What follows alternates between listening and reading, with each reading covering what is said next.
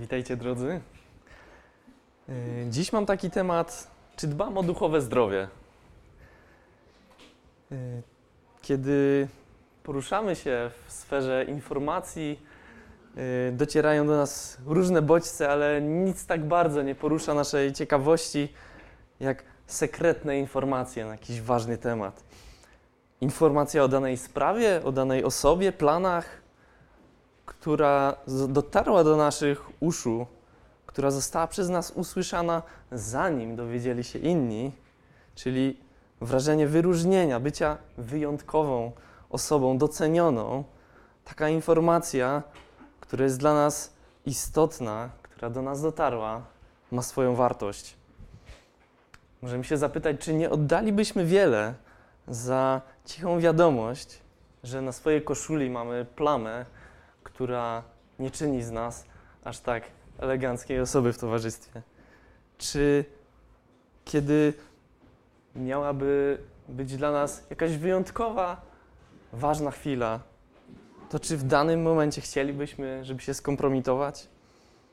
Jak potoczyłyby się moje, Twoje losy, gdyby ktoś w sekrecie powiedział Ci, że zostaniesz okradziony, kiedy danego dnia jesteś w pracy? Co jeśli ktoś zdradziłby ci, że na następnej lekcji planowana jest niezapowiedziana kartkówka, a ty tak bardzo walczysz o to, żeby dostać wyższą ocenę? Co gdyby w tajemnicy ktoś powiedział ci, że ten obiad na mieście, na którym tak bardzo się zastanawiasz, rozstroi twój układ pokarmowy, a ty akurat masz ważną sprawę, na którą czekałeś od miesięcy?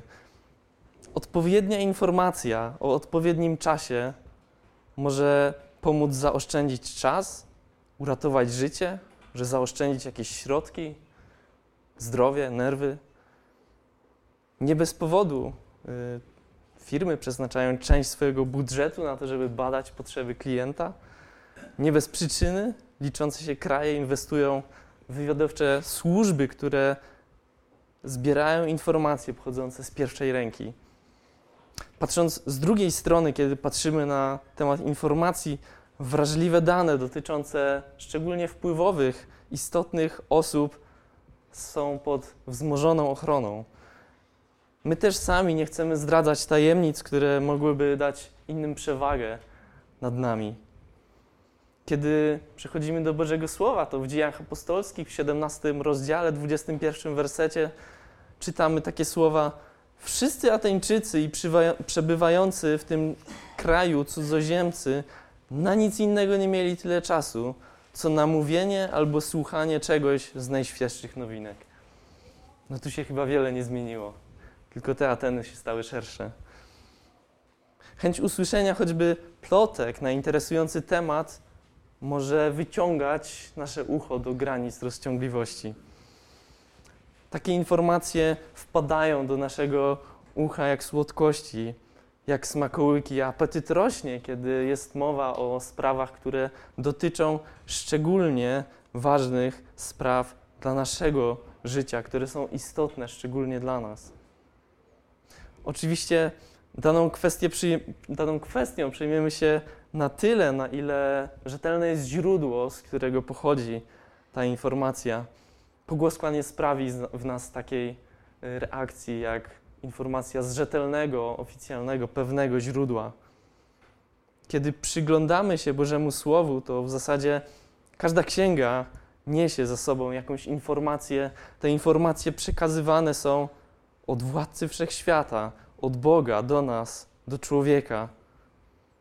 Kiedy spoglądamy właśnie na Boże Słowo, to od stworzenia poprzez różnorakie dzieje świata, przez królów, przez natchnionych poetów, przez proroków, aż do ewangelistów, aż do kolejnych zapowiedzi czasów końca Ziemi w tym obecnym kształcie. To wszystko są informacje. Możemy się zapytać, czy te informacje pochodzą z rzetelnego źródła? Czy to, co przekazuje Bóg, można sklasyfikować jako pewne, jako niezawodne dane? I to pytanie wymaga odpowiedzi. Jak ty traktujesz Boga, to co On mówi? Ty indywidualnie. Czy spoglądasz z przymrużeniem oka? Czy raczej Bóg mieści się dla ciebie w kategorii pewnika, czegoś, czemu możesz zaufać? Informacja, z której czerpiesz, źródło informacji, z której czerpiesz i nie zastanawiasz się, czy życie wygląda w ten sposób. W Psalmie 36, w 10 wersecie możemy przeczytać: U Ciebie jest źródło życia, w Twoim świetle oglądamy światło. Zaś w Psalmie nieco dalszym, 147, 5 wersecie czytamy: Wielki jest nasz Pan i potężny w swojej mocy, a Jego mądrość jest niezgłębiona. Widzimy zatem, jakiego mamy Boga. Mamy źródło, z którego czerpiemy, a to źródło jest najwyższej jakości. Jednak z nami jest często tak, jak z ludźmi, do których Bóg przemawiał za czasów proroka Jeremiasza. Tam w drugim rozdziale, w trzynastym wersecie, Bóg powiedział, bo mówimy o źródle, gdyż mój lud popełnił dwojakie zło. Mnie, źródło wód żywych, opuścili, a wykopali sobie cysterny, cysterny dziurawe, które wody zatrzymać nie mogą. I w tym przypadku Boże Słowa są analogią do sytuacji, która miała miejsce w Izraelu, sytuacji narodu wybranego, który opuścił bliskie relacje z żywym Bogiem na rzecz czczonych kawałków drewna, kamieni i tym podobnych. Dziś powiedzielibyśmy pewnie o stosunku do pracy, do pieniędzy, do pasji, do miłostek, uzależnień i innych różnych tematów, które zjadają w nas całe zasoby, także nie pozostaje już nic ani dla nas, ani tym bardziej dla Boga. Wszystkim tym, którzy powątpiewają w Boga jako rzetelne źródło informacji, chciałbym zostawić, zaświadczyć, y, że Bóg dał mi całkowicie nowe, piękniejsze życie i bez Boga nigdy wcześniej nie doświadczyłem takiego pokoju, takiej radości, takiej wolności, takiego poczucia sensu i celu, jak będąc w relacji z Nim. Także polecam każdemu, Bóg jest wart uwagi. A dla pozostałych, którzy nie posiadacie wątpliwości co do wiarygodności Boga, co do tego, co On mówi, kim jest, mam dziś do rozważania krótki fragment. Ten fragment pochodzi z księgi proroka Izajasza z ósmego rozdziału i tu zajmiemy się od 11 do 13 wersetu. Także Izajasza, ósmy rozdział, od 11 do 13.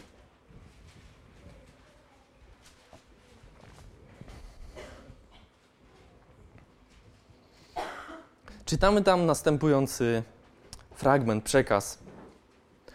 Tak bowiem powiedział do mnie Pan, gdy chwycił mnie za rękę i przestrzegł, bym nie chodził drogą tego ludu. Nie nazywajcie sprzysiężeniem wszystkiego, co ten lud tak nazywa. Niech was nie przejmuje jego lęk ani strach. Pana zastępów, jego miejcie za świętego. Niech on przejmuje was lękiem, niech on budzi w was bojaźń. To jest fragment z księgi Izajasza, która powstała przynajmniej 2,5 tysiąca lat temu, ponad 2,5 tysiąca lat temu. Ale to, co zawiera, jest dzisiaj nie mniej aktualne. Te myśli są bardzo aktualne także w naszych czasach. Zacznijmy od początku, werset 11. Tam czytamy: Tak bowiem powiedział do mnie Pan. Wiele głosów, tak jak mówiliśmy, w ciągu życia dociera do naszych uszu Słuchamy muzyki, słuchamy wypowiedzi lekarzy, aktorów, dziennikarzy, przedstawicieli władzy, sportowców, specjalistów, biznesmenów. Słuchamy głosu bliskich na różne życiowe tematy, nauczycieli, kaznodziejów. Czasem do naszych uszu trafia literatura w postaci słuchowiska czy audiobooku. Można zauważyć, że mamy w czym wybierać. Jeśli chodzi o to, czego słuchamy, mamy szeroki wachlarz wyboru. Jedne głosy przemawiają do nas wyraźniej, także na dłużej zostają w naszej pamięci, znowu inne. Jak szybko do tego ucha wpadną, tak szybko z drugiej strony wylecą. Ale im częściej dane słowa, dana myśl, dany przekaz, dane zdanie dociera do naszego umysłu, tym większa jest szansa, że zastanowimy się nad sednem tego, co dana informacja, w jakiejkolwiek by nie była formie, ma nam do przekazania. Jako ludzie zmagamy się z doborem odpowiednich źródeł informacji, które docierają do nas. Mamy tysiące stacji radiowych, setki stacji telewizyjnych, miliony stron internetowych. Mamy szeroki wybór. I pytanie, jak często mój, jak często Twój wybór pada na słuchanie Boga? Czy dla Ciebie Boże Słowa należą do kategorii ściśle wiarygodnych? Czy są godne tego, żeby im poświęcić uwagę? Żeby nad nimi się zatrzymać? Żeby się nad nimi zastanowić? Widzę, że jesteście, że jesteś y, dziś tutaj na nabożeństwie, że słuchasz tego przesłania, albo może odsłuchujesz tego po czasie nabożeństwa, jeśli ktoś będzie miał taką możliwość. Chwała Bogu, dobrze widzieć osoby, które są zainteresowane oddaniem chociaż części swojego życia, żeby słuchać Bożego Słowa, żeby mieć społeczność z Bogiem. I zakładam, że przynajmniej przez część przesłania Twoje myśli są skupione na tym, co pada z zakazalnicy. Ale mam jednak pytanie: co gdyby jutro, na początku dnia, zanim przytłoczy się szereg spraw, które spadną na ciebie wraz z nadchodzącym poniedziałkiem, wraz z tymi myślami, obowiązkami, co gdyby za nim mieć z Bogiem taki czas, jak masz teraz, w tym momencie, kiedy jesteś skupiony na Bogu? Co jutro powie ci Bóg? Jak to wpłynie na Twój dzień?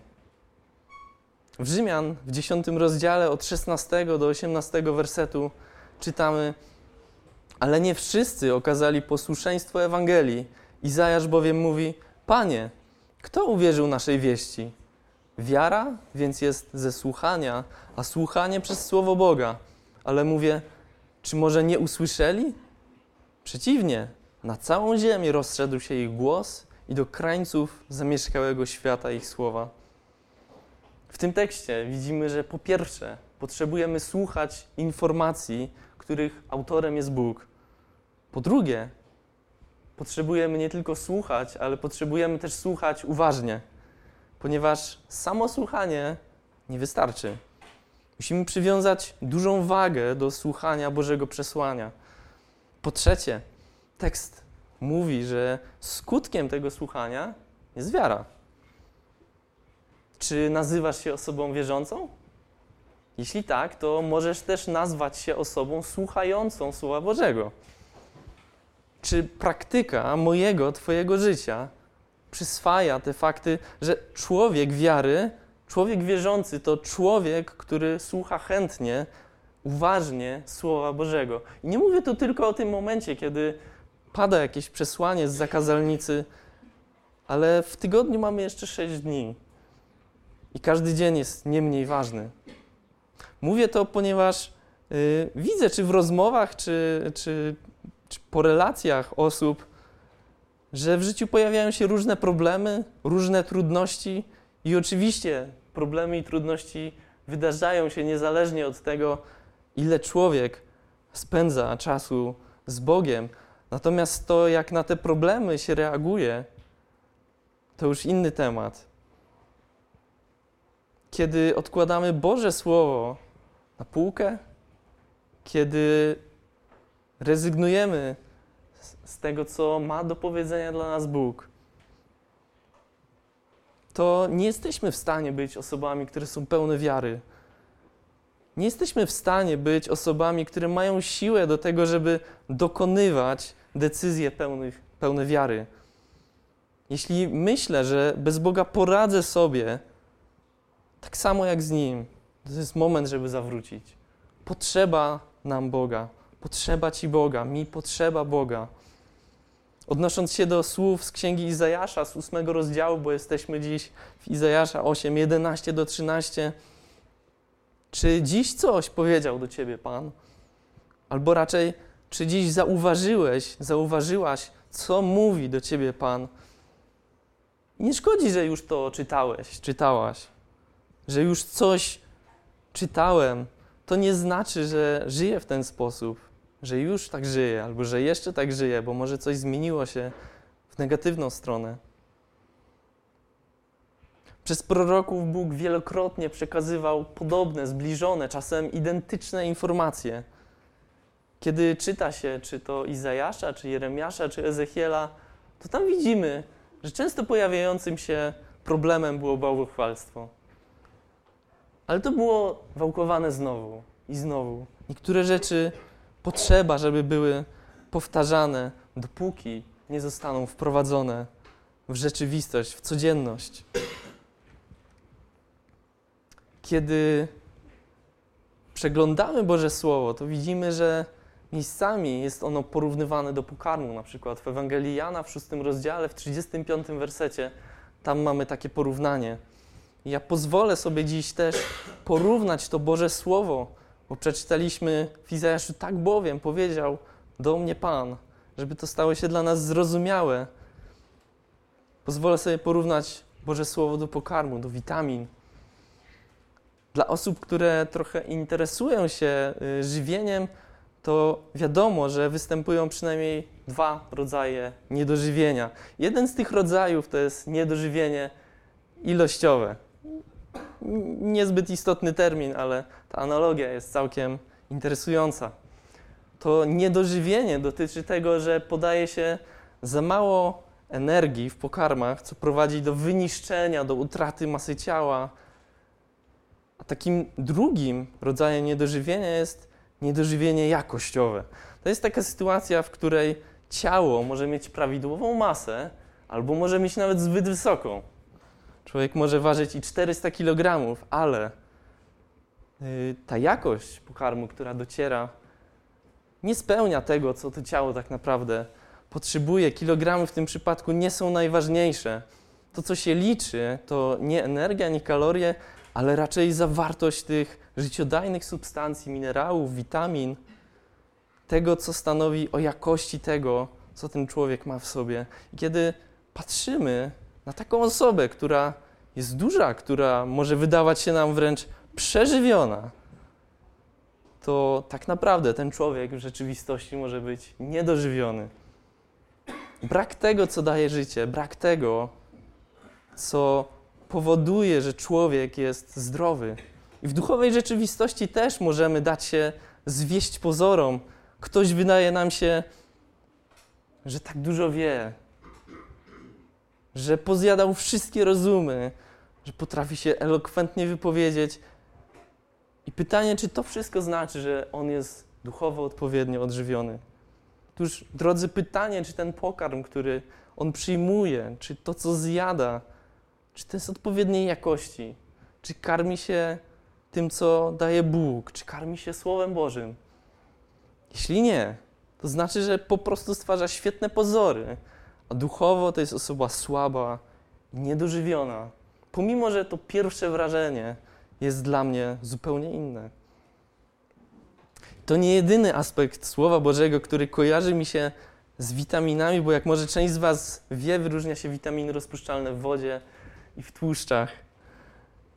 Kiedy popatrzymy na ten pierwszy rodzaj, witaminy rozpuszczalne w tłuszczach, to są takie witaminy, które y, kiedy dostaną się do organizmu, to ich zapasy utrzymają się w zasobach ciała. Nie tak łatwo się jest ich pozbyć, nawet kiedy człowiek chciałby, żeby one z tego organizmu się wydostały. Nie można podać ich zbyt dużo, ponieważ one zbyt szybko nie uciekną. I te witaminy po przyjęciu w nas zostają na dłużej. I to jest taki aspekt, który kojarzy mi się z tą częścią Słowa Bożego, która zamieszkuje w człowieku, kiedy rodzimy się na nowo, taki fundament, taka żelazna rezerwa na ciężkie czasy, którą trzeba uzupełnić, ale można powiedzieć, że ich podaż jest mniej wrażliwa na wahania dni, tygodni, miesięcy. I to jest y, zależne od tego, ile przyswajamy. Jeśli w ten sposób podchodzimy do Słowa Bożego, że naładuję się na jednym nabożeństwie, naładuję się na jednej konferencji, pojadę na jakiś niesamowity obóz, pojadę w jakieś miejsce, które sprawi, że przez cały rok będę chodził pięknie nakręcony, żyjąc blisko Boga, to w ten sposób nie osiągniesz duchowego zdrowia. Czy dzięki takiej postawie będziesz w duchowo dobrej formie? Czy tak wygląda zdrowa relacja z Jezusem? Czy tak wygląda zdrowa relacja, kiedy popatrzysz na relację z drugim człowiekiem? Oczywiście tak to nie działa. Taka wybiórcza postawa nie daje nam duchowej pełni zdrowia. Nie, nie mamy wtedy silnej więzi z Bogiem. Mamy jakieś przeżycia, które wydarzyły się albo są w stanie wydarzyć się raz na jakiś dłuższy czas. Natomiast nie jest to regularne. Jest też druga grupa witamin, to jest grupa witamin rozpuszczalnych w wodzie. Je cechuje to, że musisz przyjąć je regularnie, musisz przyjąć je codziennie, bo one są w stanie i jeśli przyjmiesz ich za dużo, to po prostu wydalą się z moczem. Więc dla zachowania pełni zdrowia nie możesz zrobić czegoś raz w roku, nie możesz spotkać się z Bogiem na jakimś jednym wyjeździe, na jakimś jednym urlopie. Owszem, te wydarzenia są ważne, są potrzebne, ale nie jest to jedyny aspekt tego duchowego zdrowia. Także tak samo Bożym Słowem nie można się tylko raz w roku solidnie doładować. Jak na przykład witaminą D, ktoś doładuje się solidnie przez całe lato i później chce korzystać z tego przez cały rok. Podobnie jest z tą relacją z Chrystusem, codzienną relacją z Chrystusem, jeśli chcemy nazwać to prawdziwą, zdrową relacją. Jest potrzeba, żeby, tak jak w tym porównaniu do zdrowia, spożywać te witaminy z obu grup. Tak tutaj jest potrzeba, żeby mieć czas z Bogiem, który będzie może na urlopie, którym przemyślisz cały rok, który nastawisz swoje ucho i dasz Bogu do siebie mówić, ale jest też potrzeba, żeby codziennie spędzać z Nim czas. Niezależnie od tego, czy spędzisz 5 minut, czy 15, czy ile będziesz miał w danym momencie czasu. Warto jest zawalczyć o każdy moment, nawet jeśli uważasz, że ta jakość będzie niższa niż to, czego byś oczekiwał. I dopiero wtedy możesz być duchowo zdrowy, dopiero wtedy możesz korzystać z pełni życia w Jezusie. Także to, do czego chciałbym zachęcić, do tego, żeby na Twoim talerzu pojawiła się Biblia, mówiąc obrazowo. I to nie raz w roku, nie raz w miesiącu, nie raz w tygodniu, ale każdego dnia. To, czego uczy Słowo Boże, nie da się upchać, skompresować w jednorazowy w skali tygodnia, niedzielny posiłek. Nawet jeśli Bóg zaszczepi w tobie o poranku, jutro, we wtorek, w środę, w czwartek, jakikolwiek dzień, jakąś cenną myśl, chociaż jedną, to zobacz, już jesteś bogatszy o tą jedną cenną myśl. Już jesteś w stanie zawalczyć z taką chorobą, którą można nazwać grzech. Bo grzech jest taką chorobą. Tak bardzo zależy nam na to, żeby cieleśnie być zdrowym, ale czy równie dbamy o to, żeby nasze duchowe życie było zdrowe? Czy duchowo jestem dobrze odżywionym Bożym dzieckiem? W Izajasza 8:11 czytamy: Tak bowiem powiedział do mnie Pan, że dobrze jest zadbać o to, żeby nasze uszy były otwarte na ten Boży głos i w takim aspekcie codziennym, i w takim aspekcie szerszym. Czasem faktycznie jest potrzebny taki czas, kiedy spędzisz go z Bogiem dłużej, kiedy na nowo nastawisz swoje stery, żeby pamiętać, co jest Twoim życiowym priorytetem, że żyjesz w perspektywie nieba. I obie te kwestie są ważne, istotne, potrzebne i niezbędne. Tak bowiem powiedział do mnie Pan, to imię Boga, które jest w odczytanym y, fragmencie, ono brzmi tutaj Pan, ale w tłumaczeniu to jest istniejący. To jest Bóg, który jest rzeczywisty, który jest obecny, który trwa, który żyje, który jest trwający. Dlaczego to jest ważne, żeby być świadomym, że Bóg istnieje? To jest cofnięcie się do jakiegoś zupełnie podstawowego założenia. Dlaczego o tym w tym momencie mówimy? Drodzy, żyjemy w świecie, który jest pełen podróbek. Natomiast przez Izajasza Bóg przedstawia się jako Bóg, który jest prawdziwy, który jest rzeczywisty, który jest oryginałem, który jest nie do podrobienia. W czasach proroków Starego Testamentu ten fakt, że ten, który mówi, jest rzeczywistym, prawdziwym Bogiem, jedynym był naprawdę istotny, dlatego że konkurencja w oczach ludzi była mocna. Bożki, dla których, yy, dla ludzi, one, one były wielkim rywalem względem zdrowej duchowości opartej na tym Bogu, który jest prawdziwy, który jest rzeczywisty. Temat bożków w księdze proroka Izajasza przewija się od w zasadzie początku aż do końca tych miejsc, wersetów, które zawiera ta księga. W 46 rozdziale tej księgi tu był taki piękny fragment, 46, przeczytam 3 do 11, tam czytamy Słuchajcie mnie, domu Jakuba i cała reszta domu Izraela, wynoszeni przeze mnie już w okresie ciąży, piastowani przeze mnie od samego łona. Ja będę was nosił do starości, aż po siwiznę ja będę dźwigał. Ja was stworzyłem i ja będę nosił. Ja będę dźwigał i ratował. Z kim mnie porównacie i z kim mnie zrównacie? Do kogo upodobnicie? Tak byśmy byli podobni. Czy do figurki tych, którzy wysypują złoto z woreczka, odmierzają srebro na szalach, następnie wynajmują złotnika, by przerobił im na to na bożka, któremu się kłaniają, więcej, przed którym padają? Biorą takiego na ramiona, z trudem go przenoszą, stawiają na postumencie, gdzie stoi i skąd się nie rusza, lecz gdy się do niego woła, nie odpowiada. Nikogo nie wyrwie z niedoli.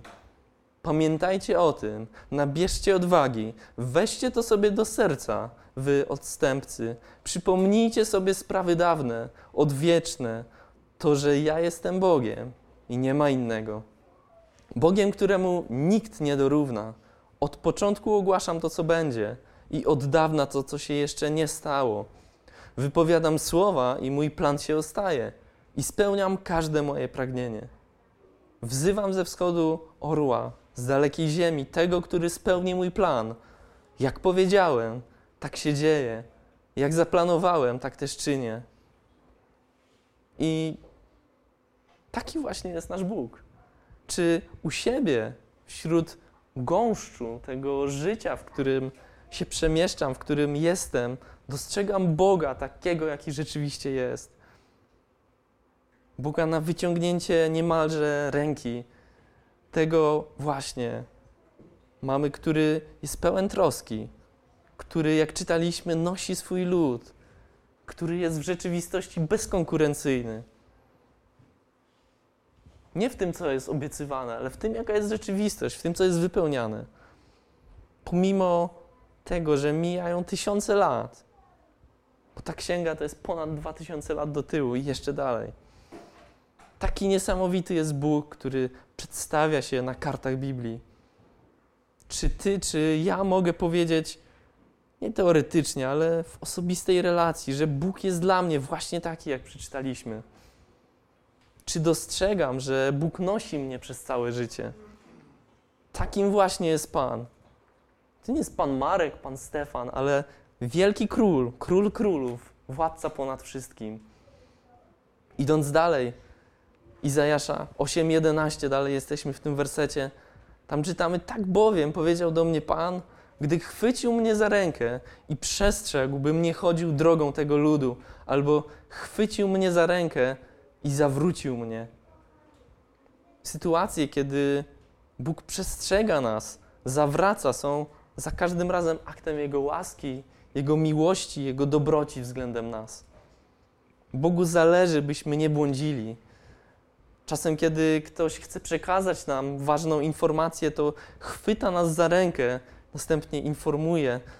Czasem trzeba, żeby złapać za rękę dziecko, które nie jest świadome niebezpieczeństwa, samochodu, czegokolwiek, co nadchodzi, albo ma własne plany i, i próbuje je realizować w zależności od rodzica czy opiekuna. Bóg, którego ja śmiało mogę nazwać dobrym ojcem, potrafi zaprowadzić za rękę. Tak jak tutaj przeczytaliśmy, że on chwycił za rękę i przestrzegł. Czy ufam Bogu? Czy jestem przekonany, że Jego intencje wobec mnie są w stu procentach dobre? Czy może raczej boję się Jego ingerencji w moje życie? Czy Bóg nie za wiele mi namiesza? Co z moimi planami? czy jestem w gotowości, żeby Boże ingerencje miały miejsce w moich planach? To może być trudna kwestia, ale Bóg jest najlepszym nawigatorem. Jest osobą, która może zobaczyć życie człowieka z dużo szerszej perspektywy niż my kiedykolwiek jesteśmy w stanie ją zobaczyć. On zna nas zupełnie, on zna nas lepiej niż ktokolwiek inny. Użyłem tu stwierdzenia, że Bóg jest nawigatorem, ponieważ przez Izajasza Bóg tu mówi o chodzeniu drogą ludu. Co jest ważne, kiedy trzeba wybrać drogę? Co jest ważne w wyborze drogi? Kiedy podejmujemy decyzję o wyborze trasy, mamy rozmaite preferencje. Być może chcesz dojechać jak najszybciej, a może chcesz dojechać jak najtaniej? Może chcesz jechać trasą, która będzie nieco dłuższa, ale zobaczysz piękne widoki. Co jest jednak najważniejsze, kiedy mówimy o wyborze drogi? Według mnie najistotniejszy jest cel tego, gdzie ta droga prowadzi. Chyba, że Twoim celem są piękne widoki. Jakkolwiek najważniejszy jest cel, gdzie ta droga wiedzie. A droga zawsze wiedzie w jakimś konkretnym celu, w jakimś konkretnym kierunku, zawsze gdzieś prowadzi. Mogą pojawić się różne okoliczności trasy, ale tym kluczowym aspektem jest ostatecznie to, y, gdzie prowadzą te, te rozstaje osoby poruszające się nimi. Co z tego, że droga prowadzi przez góry na południe, jest ładna, malownicza, skoro ty masz w planie dostać się na północ, nad morze? W rzeczywistości potrafimy dobrać optymalną trasę, kiedy jedziemy do celu naszej podróży. Uwzględnimy różne czynniki i wybierzemy, jedziemy tędy. Ale czy tak samo prosto jest nam decydować o doborze drogi dla naszego życia? Czy idąc przez życie pamiętamy o tym, jaki jest nasz zupełnie najważniejszy, najistotniejszy cel? Czy zdarza nam się raczej zboczyć z trasy? Czy Twoim kursem jest niebo? Czy właśnie w tej wiecznej perspektywie podejmujesz decyzje, które są ważne dla Twojego życia? Czy jesteś świadomy, świadoma, że zbaczając z trasy nie osiągniesz celu? I to jest ten moment, kiedy czasem potrzebujemy spędzić kilka godzin i zastanowić się, jaki jest mój życiowy cel. Czy na pewno te priorytety, które myślę, że realizuję, na pewno realizuję w takim kontekście, w jakim Bóg chciałby tego dla mojego życia. Czasem potrzeba takiego czasu. Księdze Izajasza 8:11 czytamy o drodze ludu, tam czytamy o drodze tego ludu. Kiedy Bóg wspomina o drogach ludzi, to ma też do zaoferowania swoją Bożą drogę. Pada też ostrzeżenie, a skoro jest ostrzeżenie, to musi się wiązać z nim pewne niebezpieczeństwo, pewne ryzyko. Kiedy Bóg ostrzega, to znaczy, że jest tam rzeczywiście jakaś pułapka, coś, czego Bóg wolałby, żeby nie dotyczyło cię. On jest troskliwym ojcem. On chce dla ciebie dobrych rzeczy. On nie pragnie, żeby spotkało cię coś złego. Bóg daje ostrzeżenia, bo wie, co ci wyjdzie na dobre. Izajasz w 48 rozdziale, w 17, 18 wersecie przekazuje takie ważne Boże słowa. Tam czytamy: Tak mówi Pan, Twój odkupiciel, święty Izraela. Ja, Pan, Twój Bóg, uczę Cię tego, co zapewni Ci korzyść. Prowadzę Cię drogą, po której masz iść. Gdybyś wcześniej zważał na moje przykazania, Twój pokój byłby jak rzeka, Twoja sprawiedliwość niczym morskie fale. Adrian fajnie wspomniał o tym timingu, że gdyby ktoś wcześniej zwrócił uwagę na Boże Słowo, to być może pewne rzeczy by się nie wydarzyły. I tutaj dokładnie o tym mówi Bóg przez Izajasza. Im wcześniej, tym lepiej. Pewne rzeczy mogą się nie wydarzyć, pewnych rzeczy Bóg chce ci oszczędzić. Pytanie, którą drogą ty idziesz, albo na ile zboczysz z trasy drogi, po której myślisz, że idziesz. To, co wymaga zmiany w nas, jeśli mamy korzystać z Bożych skarbów, z Bożych rad, to pojęcie tego, czym jest zysk i korzyść w oczach Boga. Bo Boży sposób myślenia jest chętnie przyjmowany, ale kiedy napotka na cielesną, nieoddaną Bogu naturę, to zaczyna się walka i nie jest wtedy już tak łatwo zrealizować tego, co teoretycznie jest dla nas piękne i dobre. Kto nie chciałby wewnętrznej rzeki pokoju, naturalnie przychodzącej sprawiedliwości w życiu? A właśnie w takie strony prowadzi nas słuchanie Bożych przykazań, Bożych ostrzeżeń. W Rzymian w 12 rozdziale, w pierwszym, drugim wersecie możemy przeczytać o zupełnej odwrotności dróg Boga i dróg człowieka. Rzymian 12, 1, 2. Wzywam więc was, bracia, przez miłosierdzie Boga, abyście stawiali swoje ciała jako ofiarę żywą, świętą, przyjemną Bogu, tę rozumną służbę waszą i nie upodabniajcie się do tego wieku, ale dajcie się przemieniać przez odnowienie waszego myślenia, abyście doświadczyli, jaka jest wola Boża, co dobre, przyjemne i doskonałe.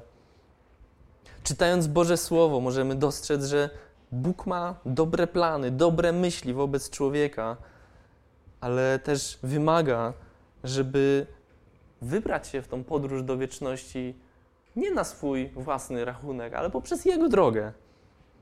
W Ewangelii Jana 14, 1 do 6, tam czytamy o tej jedynej drodze, która nie może zostać zastąpiona przez żadną inną. Jeśli zależy nam na wiecznym życiu z Bogiem, to to jest właśnie sposób, który ma dla nas Bóg. Tam czytamy: Niech się nie trwoży wasze serce, wierzcie w Boga i we mnie wierzcie. W domu mojego ojca jest wiele mieszkań. Gdyby było inaczej, to bym wam powiedział. Idę przygotować wam miejsce. A gdy odejdę i przygotuję wam miejsce, przyjdę ponownie i wezmę was do siebie, żebyście gdzie ja jestem i wy byli. Wiecie dokąd ja idę i znacie drogę. Tomasz powiedział do niego: Panie, nie wiemy dokąd idziesz, jak więc możemy znać drogę? Jezus więc powiedział do niego: Ja jestem droga i prawda i życie. Nikt nie przychodzi do Ojca, jak tylko przeze mnie. Więc Boże rady prowadzą nas do zaufania Jezusowi Chrystusowi. To właśnie przez Niego prowadzi droga do Ojca.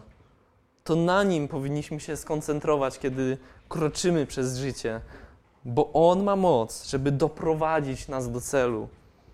Nawet jeśli ten cel wydaje się być zbyt odległy, to Jezus jest w stanie doprowadzić nas do celu.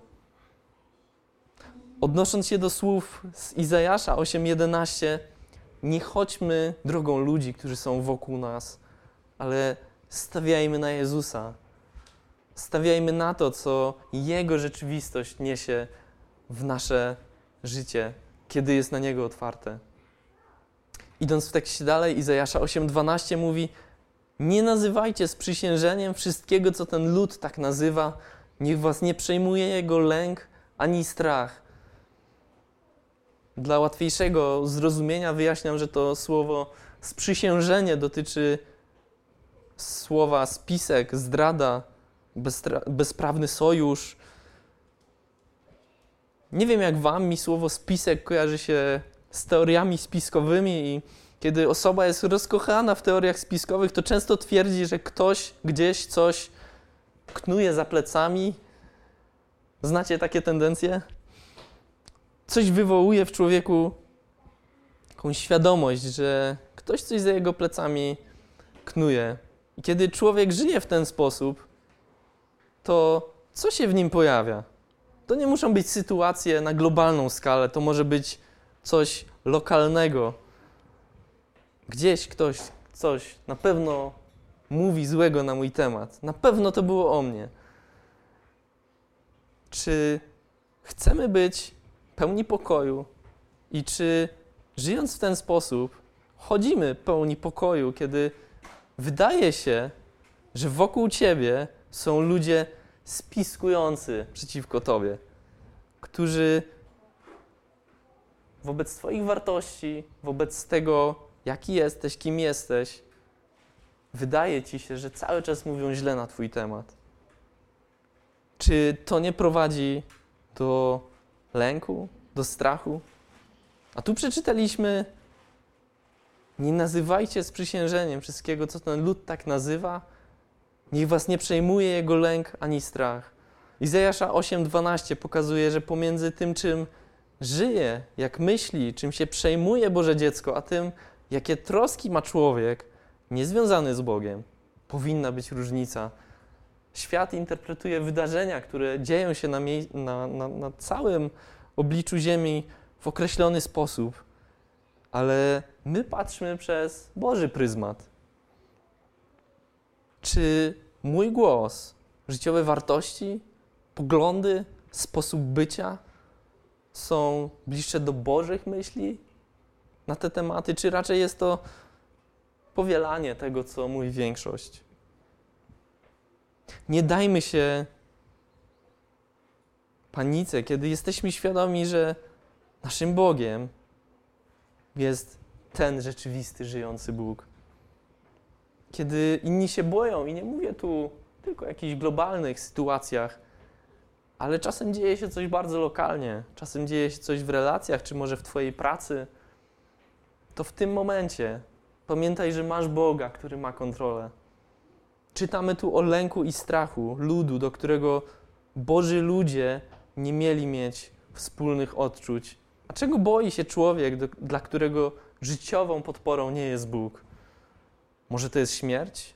Może to jest troska o utrzymanie? Może to jest strach przed byciem oszukanym albo kradzionym? Może to jest strach o bliskich, o stan zdrowia? Jest tak wiele spraw, o które teoretycznie możemy się bać, jest tak wiele rzeczy, których teoretycznie możemy się lękać, a strach prowadzi do podejmowania decyzji, których nigdy byśmy być może nie podjęli, gdyby nie wpływ tego bodźca. Strach prowadzi człowieka do podejmowania decyzji, które uchronią go przed tym najgorszym scenariuszem, który ma z tyłu głowy. Strach i lęk zmieniają życie i priorytety w tym życiu bardziej dotkliwe, niż byśmy sobie tego życzyli. Kiedy popatrzymy na autorytarne ustroje władzy, to one przez bezwzględne prawo, przez terroryzm potrafią wymuszać na swoich obywatelach decyzje, których w normalnych warunkach nigdy by się nie podjęli. W Ewangelii Mateusza czytamy jednak o innej perspektywie. W szóstym rozdziale od 24 do 25 i 31 do 34 tam czytamy o tym, wokół czego powinny być otoczone nasze myśli i plany, czy troski, jakie mamy. Mateusz 6, 24, 25, 31 do 34. Nikt nie może dwom panom służyć, jednego bowiem znienawidzi, a drugiego będzie miłował, albo do jednego przylgnie, a drugim pogardzi. Nie możecie służyć Bogu i mamonie, dlatego mówię wam, nie martwcie się o swoje życie, co będziecie jedli albo co będziecie pili, ani o swoje ciało, w co będziecie się ubierać. Czyż życie nie jest czymś więcej niż pokarm, a ciało niż ubranie? I 31 do 34. Nie martwcie się więc, mówiąc, co będziemy jedli, albo co będziemy pili, albo w co się ubierzemy, bo tego wszystkiego szukają, szukają poganie.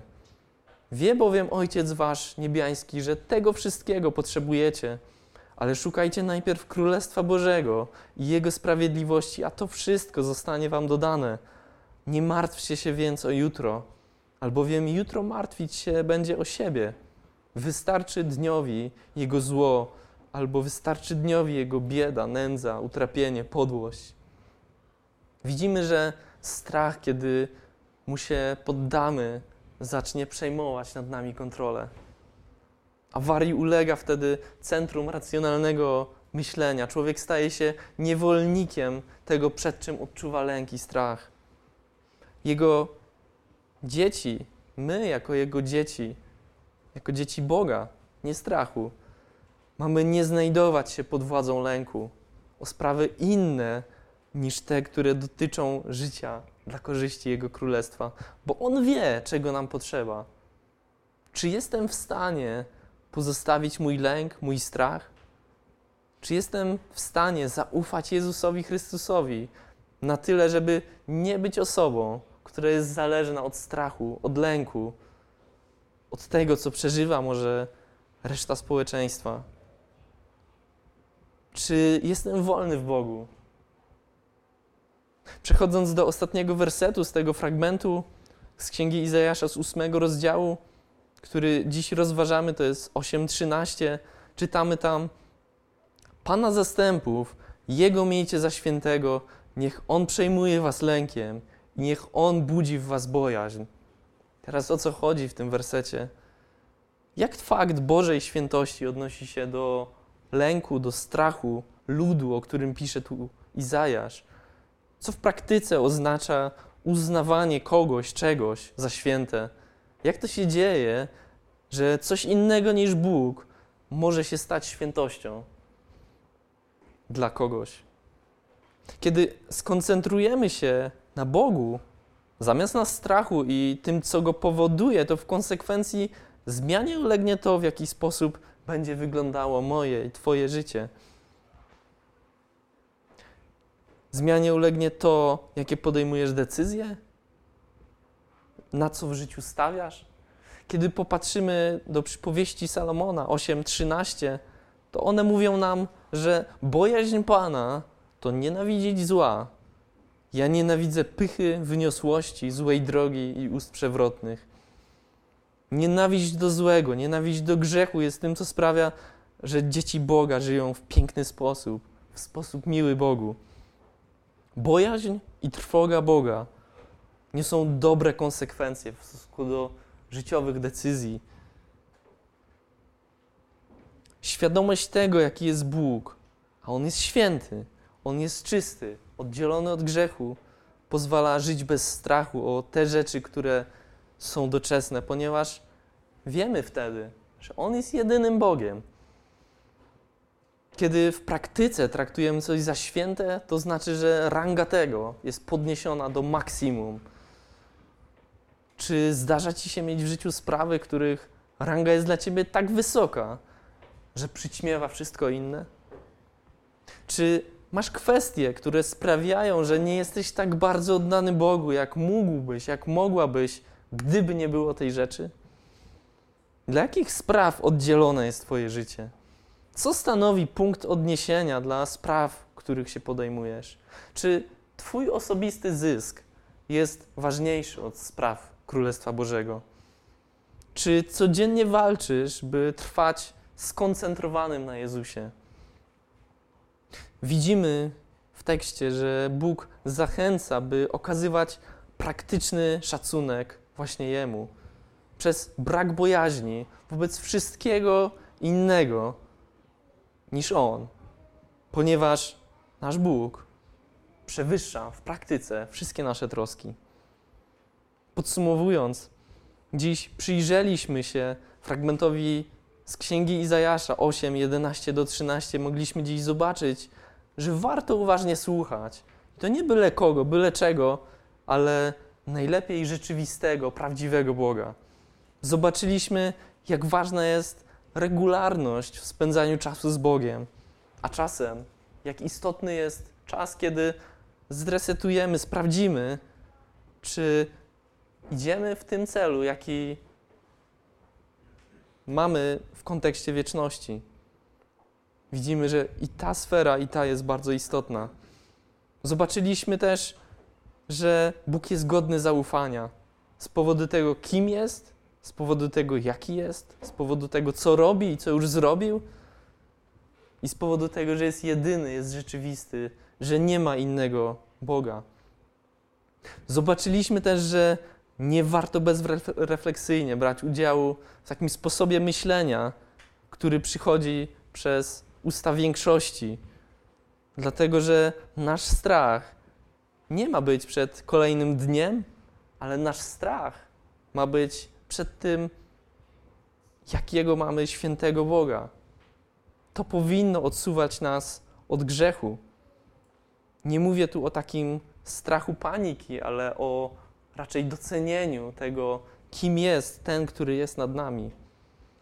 Kończąc, w nawiązaniu do wstępu, tego rozważania, skoro jesteśmy ciekawi na ważne informacje, najlepiej te dostępne wyjątkowo dla nas, ale istotne dla wszystkich, to ja chciałbym zachęcić, otwierajmy swoje uszy, swoje serca na Boży głos. Nie dajmy zakurzyć się Bożemu Słowu ani na półce, ani w sercu. Niech moje, niech Twoje życie oddaje chwałę Jezusowi. Zostańcie z Bogiem. Amen.